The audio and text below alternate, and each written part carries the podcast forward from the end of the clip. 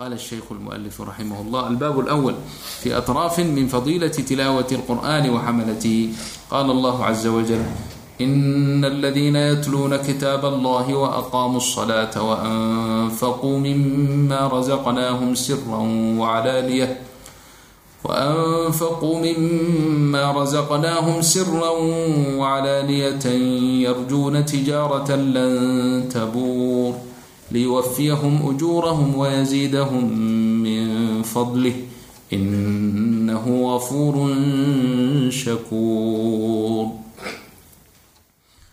aayaddaas horta baabkani wuxuu uu u baabeeyey mualifku raximah اllah fi atraafin ay fi jumalin min fadiilati tilaawati اlqur'ani wa xamalatihi qur-aanka akrintiisa iyo fadliga xamaladiisu ay xambaarsan yihiin ay leeyihiin ayuu atraaf ka tilmaamayaa.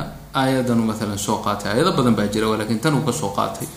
Lanna waa aayad muhima oo ilaahay subxaanahu wa tacaala uu ku ammaanayo kitaabkiisa iyo ahlu kitaabihi. Ina aladiina kuwii yatluuna kitaab allahi kitaabka ilaahay aqrinayay wa aqaamuu salaata salaada oogayay ama salaada oogay wa anfaquu mima rasaqnaahum wixii aanu siinayna infaaqiyey siran wacalaaniyatan siran oo aan cidna ka warhayn wacalaaniyatan iyagoo dadku arkayaan marka zakaadka oo kale sadaqaad caam tabarucaad la ururinayo oo kale markaasi waa calanan yarjuuna kuwaasi waxay rajaynayaan tijaaratan lan tabuur tijaara aan weligeed khasaaraynin aan weligeed kala go'aynin liyuwafiyahum ujuurahum wayaziidahum min fadlihi inahu gafuurun shakuur rabbigood kuwaasi ajirkooda waa u kaamil yeelayaa weliba ajirkii ay kasbadeen keliya meehe ziyaado iyo dheeraad oo min fadlihi buu siinaya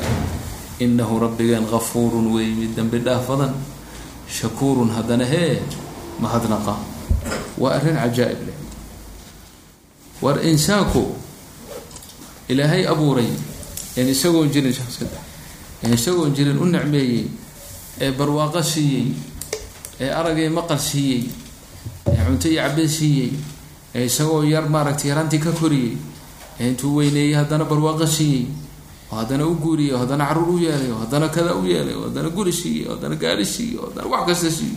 Insaankaasi inuu shaakir noqdo mahadnaqo la garay. Hadduu rabbigu u mahadnaqo arrinaa la garan ma arrin la fahmin laakiin ilahay inuu shaakir noqdo bal ka warrama ya so waa lala yaabaa.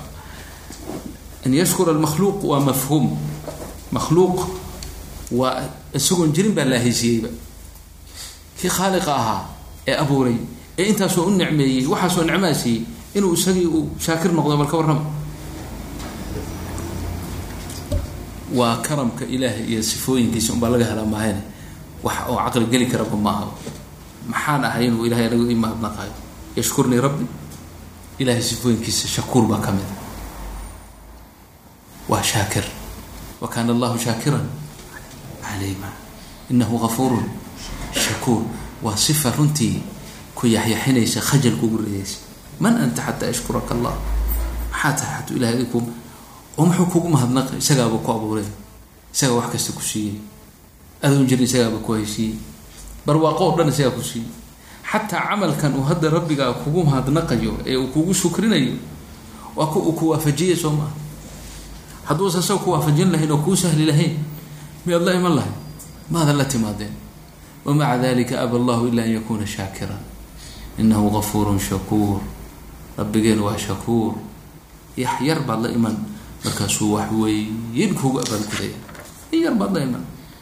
Oo intaa yar weliba tawfiiqiisa ah taasaa ku waafajiyay walidalika ninkii sheekadiis waa la socotaan lix shan boqol oo sano ilahay un caabudaya oon shaqo kala qaban markii yowma alqiyaamo la yimid dabadeedna ilahay yiri orodoo jannada raxmadeyda ku gal yiri maya yaa rabbi anigu shan boqol shaqo kale ma qaban adig baan ku caabudayay marka see anigii dadka kale aad see mid dhigtaa yani kuwan oo iska tacbaanka ahaaba jannada raxmadaaday ku galaan anama saas oo kalea ya marka markuu isu isagu isagu isagaa wuxuu isuba isu barbardhigay oo isu bandhigay cadliga ilaahay.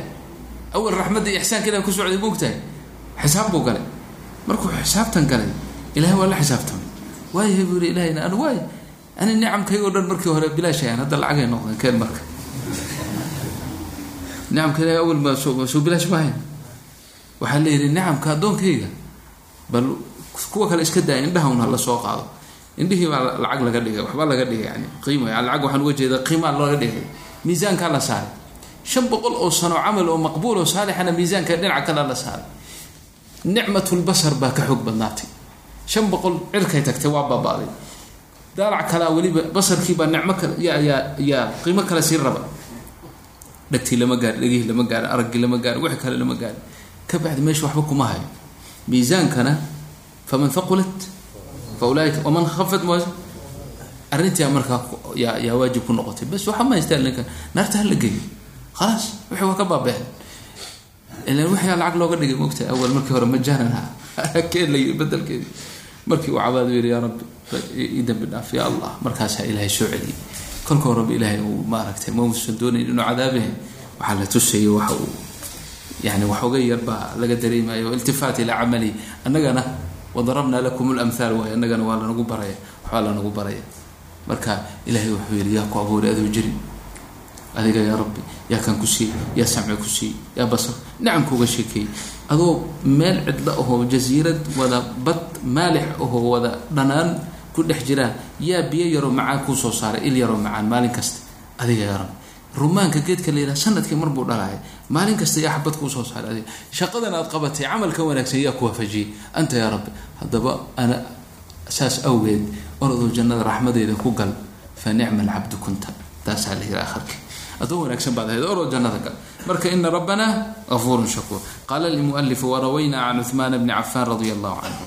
Rawaynaa laba laba laba siiqa ayaa lagu dabdiyey rawaynaa waxaanu waxaanu yani naqlinay oonu soo guurinay weeye rawaynaa riwaayatan can cuhmaana bni cafaan radia allahu canhu saxaabigaas imaamka mualifka iyo sayidina cuhmaan quruun baa udhexayse yana bisanad bisanad ilaa sayidina cuhmaan waruwiinaana waa la odhan karaa baa la yidhi labadaasba labadaas siiqaba waa lagu dabtin karaa oo bimacnaa waa lanoo soo naqliyo oo yani yani yani waa riwaayadaasa lana xambaarsiiyey weeye labadaba waad ohan kartaa. Can cuhmaan bni cafaan radi allahu canhu qaala wuxuu yihi qaala rasuulu llahi sala alla alayh wasalam khayrukum man tacallama alqur'aana wacallama waxaa idinku khayr badan kan qur'aanka bartay ee sii baray. Khayrukum. Kaafulkhitaabkan kalimad kum lijamiic alumma. Ummadda oo dhan mujaahidiinteedii culamadeedii muxadisiintii kulli kulli isku wada dar kulliba nabiga ma kala rabeen ummad nabi maxamed daa tihiin kan idinka idinku khayr badan waa kee man tacallama alqur'aana wacallamahu marka qur-aanka dadka bartay ee sii baray intaasaa ku filanba intaasaa nebigu waxba ma reebin ummadii oo dhan idinkaa ugu fadli badan bu khayrukum man tacallama alqur'aana wacallamahu والxadيiث rawah الإmam أbu cabdالlahi mحamed بن ismاعيil بn إbrahim الbخariي fي صaxiixihi ayuu ku rawiyey alladii saxiixaasoo huwa asaxu lkutubi bacda alqur'aan qur'aanka inta ka sokaysa kitaabka ugu saxiixsan ee aqwaasha nabiga caleyh salatu salaam wacan caaishata radi allahu canha qaalat qaala rasuulu llahi sala allahu alayhi wasalam rasuulku wuxuu yihi sala allahu alayhi wasalam alladii yaqra lqur'an wa maahirun bihi maca asafarati alkiraami albarara wاladي yqرأ الqur'an وyتتعتع فيh whuwa عlayhi shaaq lah أجrاn اladي yqرأ الqur'ana kan qur'aanka akrinaya oho maahir bihi isagoo aad u yaqaano wey maahirku oho aad u xifdisan ninkaasi maca الsfرة الkram الbrرة dadka waaba ka sareeyaaba malaaئg la yidhaah الsfra oo kiraam oo barara oo ilaahay siaa ku sifeeyey sufaradii ahaa ee bararada ahaa ee yani baarinimada badnaa ee ilaahay agtiisa karaamada weyn ku lahaa ee ilaahayba uu qur'aanka fii suxufin mukarama marfuucatin mutahara markii nebigu uu canaananayay rabbigiis canaananayay uu lahaa ninkan acma ah waxaad uga jeedsato qoladan. Nebigu wuxuu jeclaa markaa niyada ku hayay gaaladu inay ma garanayso hadalkiisa. Waaweyn hadday aqbalaan dadku saasuu nebigu ijtihaadan islahaa marka waa tii rabbigan ku canaantay walahu lxaqu subxaanahu watacaala ee uu ilaahay yihi ka ilaali. Kitaabkan saad mooday ma aha kalaa inaha tadkira faman shaaa dakara fii suxufin. Bay ahaatay mukarama oo marfuucatin mutahara biaydi safara marfuuca mutahara war ninka hadda doonaya inuu qur'aanka musxafka daliil u daydayo inaan dhulka iyo lagu tufuuri karin aayadana kugu filan. War aayadana kugu filan haddaad wax fahmayso.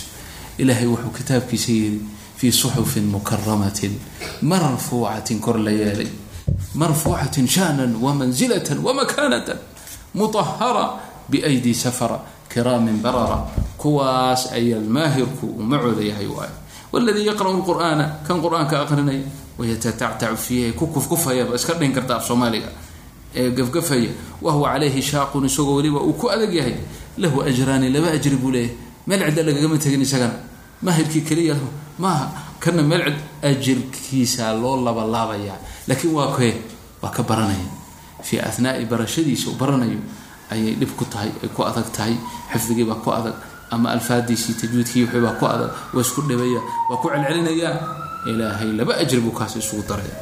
Marka nina meel cidda lagama tegin. Rawahu lbukhaariyu wa abulxusayni muslim bnu lxajaaj bni muslim annaysaburiy fii saxiixihima وعن أبي موسى الأشعري رضي الله عنه قال قال رسول الله صلى الله عليه وسلم مثل المؤمن الذي يقرأ القرآن مثل الأترجة ريحها طيب وطعمها طيب نبgu عليه الصلاaة وaسلاaم مثaal buu ka bixiyey qur-aanka ummadda mumin badan oo qur-aanka akrinaynin baa jira mumin qur-aanka akrinaya jira ku aan akrinaynin baa jira ee waxaa ku dhex dheehan munaafiqiin aan muminiin ahayn laakiin isaga isaga dhex jira muslimiinta qaar qur-aanka akrinaya ku jira qaar aan qur-aanka akrinaynin baa ku jira afartaasba nebigu tusaalooyin buu bixiyey.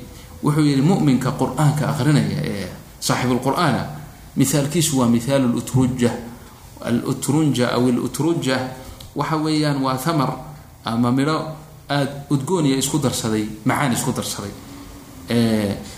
Dadka qaarka waxay dhahaan waa burtuqaalka ama bambeelmada ama waxyaala saasay dhahaan ma garanayo kolleyba waa yani cusuurtii hore waa la yaqiinay oo aada umayna dadku ugu sii talax tegin oo hadda maalan aimadu markay sheegayaan yani wanaagiisa markay ka sheekeynayaan shay qariib agtooda kama ahayn. Laakiin mucaasiriinta in badan baan arkay iyagoo tadaarub badan meesha ka dhexeeya qaar tufaax ku tilmaama qaar maxay ku tilmaama burtuqaal qaar yidhaah maya waa maangada qaar kada yidhaah laakiin almuhim waxaa kaaga filan waa midho aadna u macaan aadna u udgoon. Udgoon iyo macaan isku darsaday ayuu muminka qur'aanka akrinaya la mid yahay. Muminaan qur'aanka akrinayn baa jira. Wamahalu lmumin aladi laa yaqra'u lqur'aana aan qur'aanka akrinaynin oo bimacnaa aan qur'aanka xifdisanayn. Ama aan qur'aanka akrinaynin ayuusan xifdisanaanin hadduu doonin. Mathalu tamra. Yani wuxuu la yahay mihaaluhu mihaalu tamra timirta. Maxaa yeelay laa riixa lahaa udug ma leh.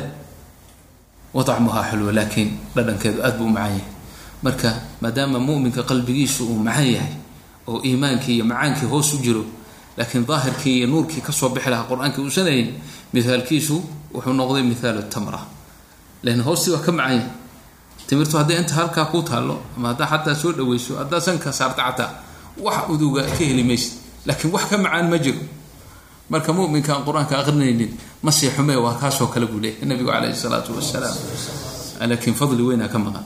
Fadli weyn ayaa ka maqan. Wamahalu lmunaafiq aladii yaqra'u lqur'aan munaafiq waxaa jira. Qur'aanka aqrinaya ilaah naga koriyo ilaahu naga dhigan kuwaas. Waa arrin khatar ah runtii. Yacni munaafiq markaad maqlayso waa kan qalbigiisuna kufri iyo xumaato ka buuxaan. Korkiisana muslimiinta u eg oo camaasha muslimiinta haya. Yacni haddii cidi ay ka baqayso in annagu ka wada baqnaa fiican leanna saxaabadii iyagu waaweynaa oo ajilaa ahaa oo nebiga asxaabtiisa ahaa oo fadaa'il badan oo xataa qaarkood u yiri jannadaad galaysaan bay haddana naftooda uga baqi jireen inayna munaafiqiin waad maqasheen sayidina cumar radia allahu canhu markuu maqlay xudayfa ayaa sirta nebiga haya si gaaru ula faqay wuxuu yidhi wax kale kaama rabe nebigu ragga uu ku tilmaamay inay munaafiqiintihiin ma ku jiraane sayidina cumar baa dhahay imise goor buu nebigu ku yidhi jannadaan kugu dhex arkay wa dalika baqdintoodaa badnayd aad bay u cabsan jireen. Nifaaq bay wax kasta ka baqi jireen. Intay nebiga ag fadhiyaan iyo markay guriga tagaan oo xoogay qafle ay ku dhacdo intaa yar bay nifaaq ku tilmaami jireen. Sidaad maqasheen xadiidu xandala oo asxaabtiina ay isku waafaqeen. Naafaqa xandala maxaa yeelay qalbigaaga qalbigeenna markaan kula joogno iyo markaan guriga joogno waa kala duwan yahi markaan kula joogno jannadii naartiina arma markaan guriga tagno wax badan baan ilowna oo guriga ay tegayaan telefisonna ma yaalo combyuterna ma yaalo blackberryna ma yaalo balaayana ma taal. Maxaa mashquulina? Buulkaas yar mudulkaa yar buu ahaa laakiin bal fiiri haddana maca dalika intaa yar ee la joogaan ayay qalbigooda ay ka shakiyeen isbedelaada ku dhacaysa nebiga markay agtiisa ka tagaan. Fa bibuyuutina guryaheena bal ka warrama xaalku markuu suuya marka waxaad uga jeedaa nifaaq waa inaad ka baqdo had goor aad ka cabsato takun min almunaafiqiin aayad baan akhriya markaan akhriyo runtii waa waa waan yar maaragta cabsadaa wala yaclamana allahu aladiina aamanuu wala yaclamana almunaafiqiin. Markuu ilahay leeyahy subxaana wa tacaala ilaahay waa ogaanayaa kuwa muminiinta iyo kuwa munaafiqiinta. Waa aayad tatluuha anta adaa akrinaya waa inaad cabsatid oo tira ilaahu kuwaan ahay garan maayo ilahu i naxariiso. Ilahu munaafiqun hayga dhigan waa inaad tiraha marka munaafiq waxaa jira qur'aanka aqrinaya mithaalkiisi uu nabigu siiye waa maxay wuxuu yihi wamahalu lmumin aladi wamahalu lmunaafiq alladii kii oo yaqra'u lqur'aana mahalu rayxaana. Rayxaanta. Oo riixuhaa ayib udugeedu aad buu u fiican yahay waa udgoon walaakin dacmuhaa mur dhadhankeeduse waa kharaar kharaar weeye. Waad aragteen rayxaanta ma cuni kartid. Waa aad bay u kharaartahay walaakin udgoonkeeda meesha kaaga soo. Sidoo kale marka qalbiga waa kharaar oo kufriga ka buuxa iyo waxaan fiicnay. Laakiin banaankii qur'aankii buu aqrinayaa udugii qur'aankii afka ka soo baxayay ayaa meel fog saaqaya wamahalu lmunaafiq baa jira oo laa yaqra'u lqur'aan kaan qur'aan ba aqrinaynin. Qur'aanna waana munaafiq mana aqrinayo qur'aan. Kaasi mithaalkiisu mithaalu lxandala waa geedkaas xandalada la yidhaha dad baa ku tilmaamay inay inuu dacar yahay dacarta geed dacarta la yidhaha soo ma jiro? Dad baa kaa ku tilmaamay. Walakin allahu aclam waa geed aada u xun laysa lahaa riixun riixna ma leh wa طacmuha lamur wuxuu isku darsaday inuuna udgoonna lahayn dhadhankiisuna aada u kharaariya. Munaafiqu kaa weeyo rawahu lbukhaari wa muslim. Waxay la tahay nabigu markuu calayhi salaatu wasalaam xadiidkan sheegayay ee asxaabtiisu ku dul aqrinaya ummadiisana adigana ku soo gaarsiinayay wuxuu kaa doonayaa inaad u sacyido. Yani amhiladaas ama tusaalooyinkaas afarta ah kan ugu wanaagsan inaad qaadatid. Oo maxay ah? Iimaankii iyo qur'aankii isku darsatid aliimaan walqur'aan inaad isku darsatid utrunja inaad noqotid utrunja inaad noqotid oo udugii iyo dhadhankii wanaagsan allah naga dhigo kaas wacan cumar bn الkhطاab radi allahu canhu ana الnabiya slى اllahu عalيه waslm qaal in allaha tacala yarfacu bihada اlkitaabi aqwama wayadacu bihi aakhariin rawahu muslim ilaahay jala jalaaluhu kitaabkan qur-aanka ah aqwaam buu kor kor ugu yeelaa bisababi hada lqur'aan darajaad waaweyn ay ku helaan kuwo kalena bisababi lqur'aan baa ilaahay hoos mariyaa wayadacu bihi aakhariin. Ilan qur'aanku waa loo soo wada bandhigay kuwana way qabsadeen way ku camal faleen. Markaasay ku talax tageen darajaad waaweyn ilahay agtiisa gaareen kuwana qur'aankii intuu yimid bay beeniyeen ama ku kufriyeen. Ama iyagoo muslimiina bay qur'aankii gacan bidixeeyeen way ku dhaqmi waayeen. Marka kuwaasina qur'aankiibaa hoos gelinaya weeye oo bimacnaa meel xun la tagaayo waa ilaha naga dhigo kuwa kitaabkiisa uu ku rafciyo.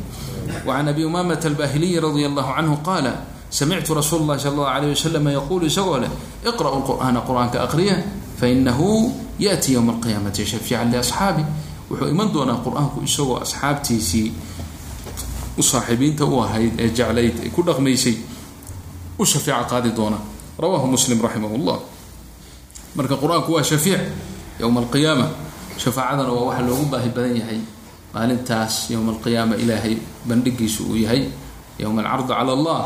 Waxa loogu baahi badan yahay waa shafaacada waay qur'aankuna waa shafiic. Wacan ibni cumar radi allahu canhuma can nabiyi sala allah alayh wasalam qaala wuxuu yihi laa xasada ila fitnatayn. Xasad ma jiro ilaa fitnatayni laba khaslo laba arrin mooye. Laba arrin unbaad xasdi kartaa. Xasad laguma ogola. Laakiin labaa lagu ogolyahay. Xasadka halkan laga hadlayana waxaa layidhi ma aha xasadkii oo xasad markii la fasirayo macnahu lasli waa xubu aw iraadatu zawaali nicmati min saaxibi nicma. In nin ilaahay u nicmeeyey aada qalbiga ku qabatay in ilahay nicmada ka zuuliyo kaas xasadkaasi waa madmuum. Weligiisna lama rabo. Waana kan diinta ilaahay subxana watacaala baabi'inaya qofku ku dhaco khalaas. Laakiin xasad kale oo macnaa bimacna alkhibtaa jira inaad tamaniso aad ama soomaaliga qaar waxay dhahaan aad kamato aad jeclaato. Ilaahu kaas nicmada aad siisoo kale madisiisi marka hadday wuxuu wax adduunye yihiin iyo waxyaalo kale yihiin iyadana ma fiicna. Waa iska bannaan tahay laakiin waa laga wanaagsan yahi ilahu gaarigiisoo kale maan helo gabadhiisoo kale maan helo gurigiisoo kale maan helo kan maan helo kan yacni waa waxa aan loo baahnayn buu kuleeyay nabigu alay sl meesha loo baahan yahay inaad kamato waa labadan shee soo socda. Rajulin nin aataahu allahu lqur'aan ilaahay qur'aanka uu siiyey oo weliba qur'aanka uu siiyey oo iska seexday oo dabaal sideedoo kale noqday mehe fahuwa yaquumu bihi aanaa alleyli wa aanaa annahaar habeen iyo maalin waa uu taagan yahay qur'aanka uu taagan yahay yaqra'uhu oo habeenkii o dhan buu aqrinayaa oo qiyam buu ku tuganayaa oo afku hadiga goor ku hayaa oo wardigiisii iyo dikrigiisii buu noqday kaasoo kale markaad aragto ilaah soo kale ma noqdo inaad tirahayd waa loo baahan yahay waa xasad ma matluuba iyo nin kale warajulin nin kale aataahu llahu maalan ilahay maal siiyey. Marka maalka ma aha waxaa damcaysood leedahay ilah xoolihiisao kale maan helo aan meelahaas ana ufaatuludhegleeyay maya aataahu llahu maalan muxuu samaynayaa? Fahuwa yunfiquhu anaa alleyl habeen iyo maalin waa infaaqinaya sadaqaysanaya khayraadka halkan u dir halkan ge halkan waxa dhis masjid dhis halkan wax ka samee. Anwaac kastaoo khayr oo wax lagu bixiyo maalkaa ilahay siuu ku bixinaya. Kaa isagana inaad ka mato oo tiraa ilaahow haddaan kaasoo kale noqon lahaa intaan maal helo. Aan sidaa u infaaqi laha ma intaan maal helaan ku dheldheelaya hadhow. Oo shahawaadkayga ku gudanaya ma intaan maal helo ayaan kaasoo kale noqonaya. Labadaasba waa xasad loo baahan yahay oo matluub ah. Laa xasada haddii wax la xasdaya labadaa un nabigu wuxuu le hadaad wax kamanayso oo tamaninayso labadaa khaslo ayaa wanaagsan inaad tamanayso. Warawaynaahu ayضa min riwaayati cabdillahi bni mascuud baanu ka rawaynay buu yihi laa xasada ila fi itnatayn siiqo kale oo ah rajulin aataahu allahu maalan maal baa ilaahay siiyey fasallatahu wuxuu ku salliday ilaahay calaa halakatihi fi lxaq yacni maalkaa ilaahay siiyey ilahay haddana wuxuu ku salliday inuu maalkaa hagalhalaago baabi'iyo. Walaakin fin fi lxaq xaq ku baabi'iyo. Bimacnaa idikhaar iyo meel iyo dhigan maayeen oo sida bukliga hadda nagu jira meehe wuxuu ilaahay subxaanahu watacaala ku salladayba maalkaa inuu halaago oo khayr oo dhan ku bixiyo halkan ka bixiyo ku infaaqiyo waay. Khayraadka kaasoo kale in la xasusto iyo warajulin aataahu llahu xikma ilahay xikma uu siiyey xikmadda iyo qur'aanka waa isku mid. Fahuwa yaqdii biha wa yucallimuha xikmadda ilaahay siiyey ayuu wax ku kala garsoorayaa oo wax ku kala xuma sharcigii weeye diintii weeye wa yucallimuha dadkana waa u baraya.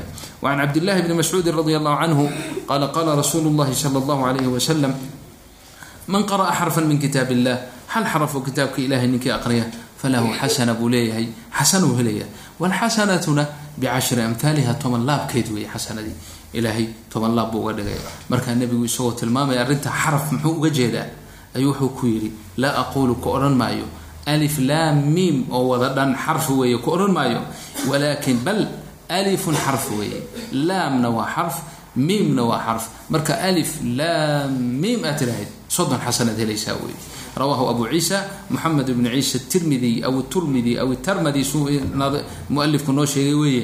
Wa qaala wuxuu yidhi xadiidun xasanun saxiix ayuu imaamu tirmidi xadiidkaas uu ku tilmaamay. Marka qur'aanka haddaad aqrido suurad dhan haddaad aqrido imise xasanaad baad ka helaysaa imise ajir baad ka helaysaa lama koobi karo.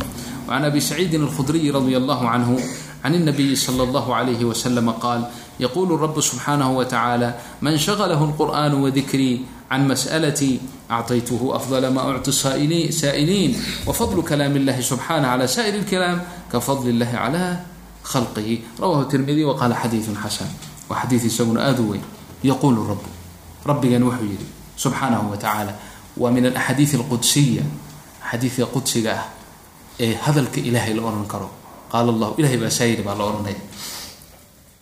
walaakiin qur'aan ma ahayo qur'aan ma aha oo darajat lqur-aan ma galayaan hase ahaatee waa min kalaam illahi tacala oo nabigu noo sheegay. Ilaahay wuxuu yidhi man shaqalahu ninkuu shuqliyo oo ka mashquuliyo qur'aanku iyo dikrigaygu kay ka mashquuliyaan can mas'alatii ducadayda iyo inay baryaan. Ninbaa ka mashquulay inuu ducaysto bisababi lqur-aan qur'aanka akhrintiisuu akhrinayo ayuu duco fara badan u ducaysan lahaa. Ama dikri uu ilaahay uu ku jiro ilaahay uu xusayo ayuu wuxuu kaga mashquulay inuu duco badan u ducaysto waqtiba uma hayo maalan ramadaanka ayay dhacdaa markii salaado dhaadheeriya la tukanaya marmarka qaarkii dadka waxay iska jecel yihiin qunuudka iyo in lagu dheeraado oo ducada dadku ducaday aada isaga jecjecel markaasaa marmarka qaarkii markii dee waqtigii suxuurtiiba iska soo dhawaato oo la soo koobo baa waxoogay dadka yar gunuunaca waxaad leedahay marka kan u sheeg waxaad leedahay qur'aanka la aqrinayo baa ducadaba ka fadli badan oo ilaahay baa ballan qaado wuxuu yidhi ninkii qur'aanka iyo dikrigaygu ay ka mashquuliyaan can mas'alatii actaytuhu waxaan siinayaa afdala maa uctu saa'iliin kuwa saa'iliinta ahee baryadayda u taagan waxaan siinaya wax ka fadli badan baan siinaya. Wax ka fadli badan ayaan siinaya baa ilaahay yidhi. Wa fadlu kalaam illah kalaamu llahi fadligiisa subxaanahu wa tacaala calaa saa'iri lkalaam kalaam int waxa ka soo haro o dhan saa'ir lkalaam bimacnaa baaqi lkalaam hadalka ilahay waxa ka soo haray. Ka fadlilaahi calaa khalqihi waay. Ilaahay suu dadka khalqigiisa makhluuqaadkiisa su uga fadli badan yahay ayaa hadalkiisuna hadallada kale oo dhan uga fadli badan yihiin. Rawahu tirmidi waqaala xadiidun xasan. Wacan ibni cabaasin radi allahu canhuma qala qala rasuulu llahi sala allah alayh wasalam ina aladii laysa fii jawfihi shayun min alqur'ani kalbeyt alkharib yani xadiidkanina wixii hore oo dhan waa taxalligii iyo waxaad ku sifoobi lahayd. Kana iska ilaali ina aladii kii laysa fii jawfihi calooshiisa bimacnaa qalbigiisa loo jeedaya shay-un min alqur'aani shay oo qur'aanka uu wax ka mida qur'aanka uusan ku jirin kalbayt alkharib waa guriga kharaabada ah guriga qashinqubka ah oo kale buu qalbigiisu noqonaya guryaha qashinqubka oo qabyada oo tacabaanka oo maxaa ku urura wasaq oo dhan bakti oo dhan qurun oo dhan baa ku urura soo maaha kadalika qalbiga aan shay qur'aana ku jirin qalbigaasi waa qalbi wuxuu noqonayaa sida guri kharaabo ah. Wasaawis iyo balaaye iyo shayaaiin iyo jin iyo cafaariid balaaya ka buxsamaysa lianna shay oo min alqur'aana kuma jiraan. Marka ha la iska ilaaliya shay-un min alqur'aan waa inaad hayso. Haddii shay-un min alqur'aan qalbigaaga laga waayo lakiin alxamdulilah muslimiintu inta badan walow suurat alfaatixa ha ahaatee. Qul huwa allahu ha ahaatee. Way ka badbaadayaan xadiidka way ka badbaadayaan.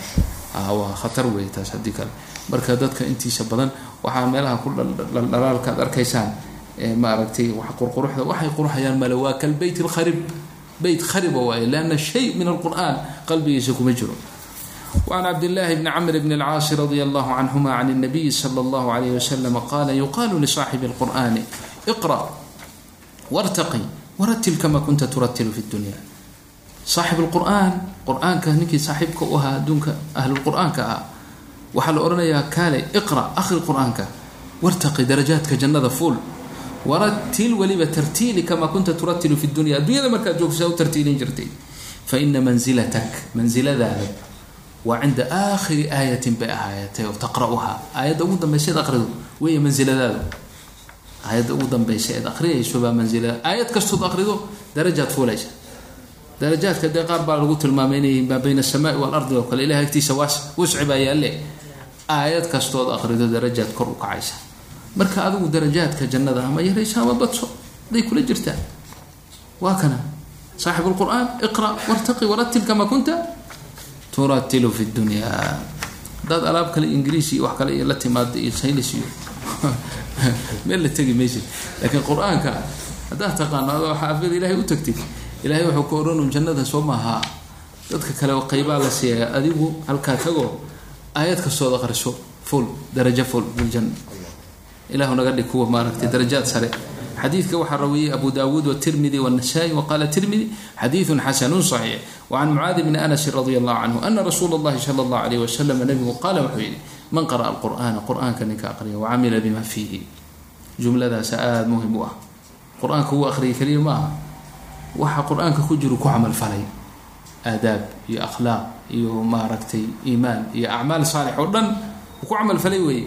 Kaa ilahay muxuu u abaalguday ulbisa waalidaahu waxaa loo xidhaa yowma alqiyaamati waxaa labadiisa waalid loo xidhaa oo la siiyaa taajan. Taajan taaj.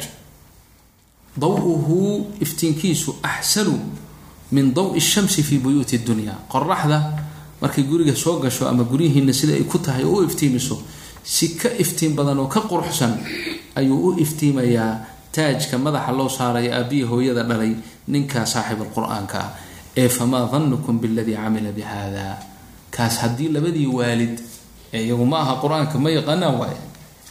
Yani iyagu ma aha laakiin wiilkoodii ama gabadhii ay dhaleen mawluudkoodii ayaa xaafid alqur'aan ahaa caamil bilqur'aan ahaa ilaahay labadaa wuxuu uga abaalgudayaa yowma alqiyaama. Fiiri yowma alqiyaama iyo jannada waa kala duwan yihiin jannada waa waa dadkao dhan taaj baa u wada saaran dadkao dhan waa iftiimayaan halkaas waa fiicfiican yihiin laakiin yowma alqiyaama markii qubuurta laga soo baxa weeye qubuurta marka laga soo baxo dadku way qaawan yihiin dhar ma qabaan.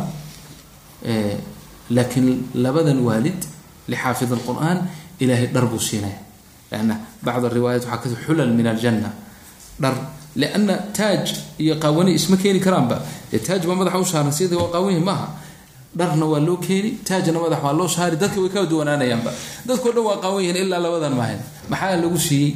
Waxaa lagu siiyey fadliga qur'aanka ay ku dadaaleen ilmahoodaasu qur'aanka u xifdiyey. Baa ilahay ku karaameynaya xataa haddayna u dadaalin oo ka horba dhintaan karaamadaasi way iska leeyihiin.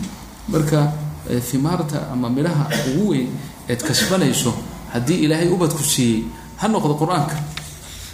Laakiin hadduu injineer noqdo ama baylood noqdo ama darawal noqdo dee hadduu qur'aanka bartay waa fiican yahay. Laakiin haddii kale lagugu siin maayo. Ninka wiilkaagu wuxuu ahaa dhakhtare taaj baa jannada lagu siinaya yowma alqiyaama. Yowma alqiyaama taaj baad helaysaa ma jirto lama sheegin taas. Marka taa aan ku dadaalno sida ilmahayna oo qur'aanka ay ku xifdiyi lahaayeen. Warawat addaaramiyu biisnaadihi can cabdillahi bni mascuudin radi allahu canhu qaal iqra'u lqur'ana faina allaha la yucadibu qalba waca lqur'ana waina hada alqur'ana ma'dubat allah faman dakhala fiihi fahuwa aamin waman axaba alqur'ana falyabshur aan iska dhammayna baabkan xadii laba xadiid baa noo dhiman daarami raximah llah wuxuu xadiid mawquuf calaa cabdillahi bni mascuud ibni mascuud radia allahu canhu ayaa xadiidku oo mawquuf ku yaho qaala rasuulullahi muuna odhan laakiin saad la socotaanba sida dee waaqica ah saxaabigu hadduu shay uu yidhaah weliba qaybiyaadka ku saabsan bimacnaa min jeebkiisa ma aha waa bixukmi lmarfuuc ila nabiy sala allahu calayhi wasalam marka ibnu mascuud muxuu yihi iqra'u qur'aana qur'aanka aqriya faina allaha ilaahay tacaala laa yucadibu ma cadaabu qalban. Waca lqur'aana qur'aanka weyleeye qalbi weyleeye cadaab ilahay gelin usmaayo waa bishaaro weyn weeye bishaaro weyn weeye lanna waxaa iska badan howlaha adduunkii khaladaadka marka haddii qur'aanka qalbigaagu weeleeyo rajaad qabtaa ilahay inuusan ku cadaabin wa ina hada alqur'aana qur'aankani maadubat llah waa martiqaadkii ilaahay weeye martiqaadkii ilaahay weeye iyo ma garanaysaa dacwadiisii ilahi subxaanahu watacaala bimacnaa yani martiqaadkiisii weeye suuryadiisii faman dakhala fiihi ninkii gala fahuwa aamin cadaabka ilahay buu ka aamin noqonaya balaayo dhan buu ka aamin noqonaya. Waman axaba alqur'aana qur'aanka ninkii jeclaadow falyabshur ha bishaaraysto. Awal khatwa oo qur'aanka ilahay kugu siinaya waa inaad qur'aanka jeclaato. Waa inaad hee qur'aanka jeclaato. Calaamada waxaa leeyahay qofka qur'aanka ilaahay uu siin doono marka hore qur'aanku jeclaysiiya. Qur'aanku jecelyahay ninkii xaafidku ka maraya ilahu kaasoo kale goormaan noqon doonaa. Ilaahu maalin ma gaari doona aan qur'aanka aqriyo oon xifdiyo anoon musxaf u baahan. Yani qalbigiisa ilahay wuxuu ku tuuraa xub alqur'aan markaasaa ilaahay qur'aanka siinay. Ah, marka waa meesha uu leeyahay falyabshur ha bishaaraysto lianna qur'aankaa u soo socda ilah baa siin doona wey allahu sayarzuqhum alqur'an wacan cabdilxamiidi alximaaniyi qaala sa'altu sufyaanan athawri can irajuli ninkii yaqzuu axabu ilayka aw yaqra'u lqur'an xamiid alximaani Eh, wuxuu ahaa min taabic taabiciin sufyaan athawri oo taabici jaliil ahaa eh, ayaa wuxuu yidhi la weydiiyey. Waxaa la weydiiyey oo caalim weynna u ahaa sufyaan athawri eh, min aimati aclaam waxaa la weydiiyey can rajuli ninki yaqzu axabu ilayka aw yaqra'u lqur'aan waxaa la yidhi ninku inuu ghaswaad aado oo jihaad aado fii sabiili illaahi ah oo xaq ah oo dhab ah jihaad fii sabiili illahi inuu galo iyo inuu qur'aanka aqriyo. Bimacnaa inuu barashadiisa iyo ku mashquulo iyo baridiisa iyo aqrintiisa keed jeclaan lahayd baa layidhi marka wuxuu yii yaqra quraan qur'aanku aqrinaya kaasaan jeclay inuu qur'aanka aqriyaan jeclahay liana nabiya sala allahu alayh wasalam nabigu qaala wuxuu yidhi khayrukum man tacallama alqur'aana wacallamahu fahmigii dadkii wan wanaagsanaa saasay ahayd wuxuu yidhi nebigu ma kala ma kala saarin dadkee ummaddan oo dhan intuu isku wada koobay mujaahidiintoodii iyo culimmadoodii iyo ajiladoodii waxoodoo dhan intuu isu keenay ayuu wuxuu yihi khayrukum waxaa idinku khayr badan. Man tacallama alqur'aana wacallamahu marka meel u dhaafo waayey wailaa ghaswada waa la ogyahay jihaad waa aclaa dirwat lislaam waa meesha ugu dambey asxaabta nabiga waa meesha had iyo goor qiyaasta ka qaadan jireen. Wala ljihaadu fi sabiili illah ninkii sidaa sidaas samey kaasuu hele markaas ohan jir walaaljihaadu fii sabiil yani meesha ugu dambaysa naftaada inaad ila horto meesha ugu dambaysa moogta waa meesha ay marka kaga qiyaas qaadan jireen. Markaasaa ninkan lagu yidhi camalkii ugu weynaa oo jihaadka ahaa maxaad ninka jeclaan lah haday labadaa isku qabsadaan inuu qur'aanka ku matakhasuso qur'aanka barto qur'aanka aqriya inuu maya qur'aanku aqrinaya baan anigu odhan lahaa buu yidhi. Wallahu tacaala aclam wailaa liqaa'ina akhar in sha allah. Bacda salaa كمل شوية بعد الصلاة ولا تمشون إن شاء الله بسم الله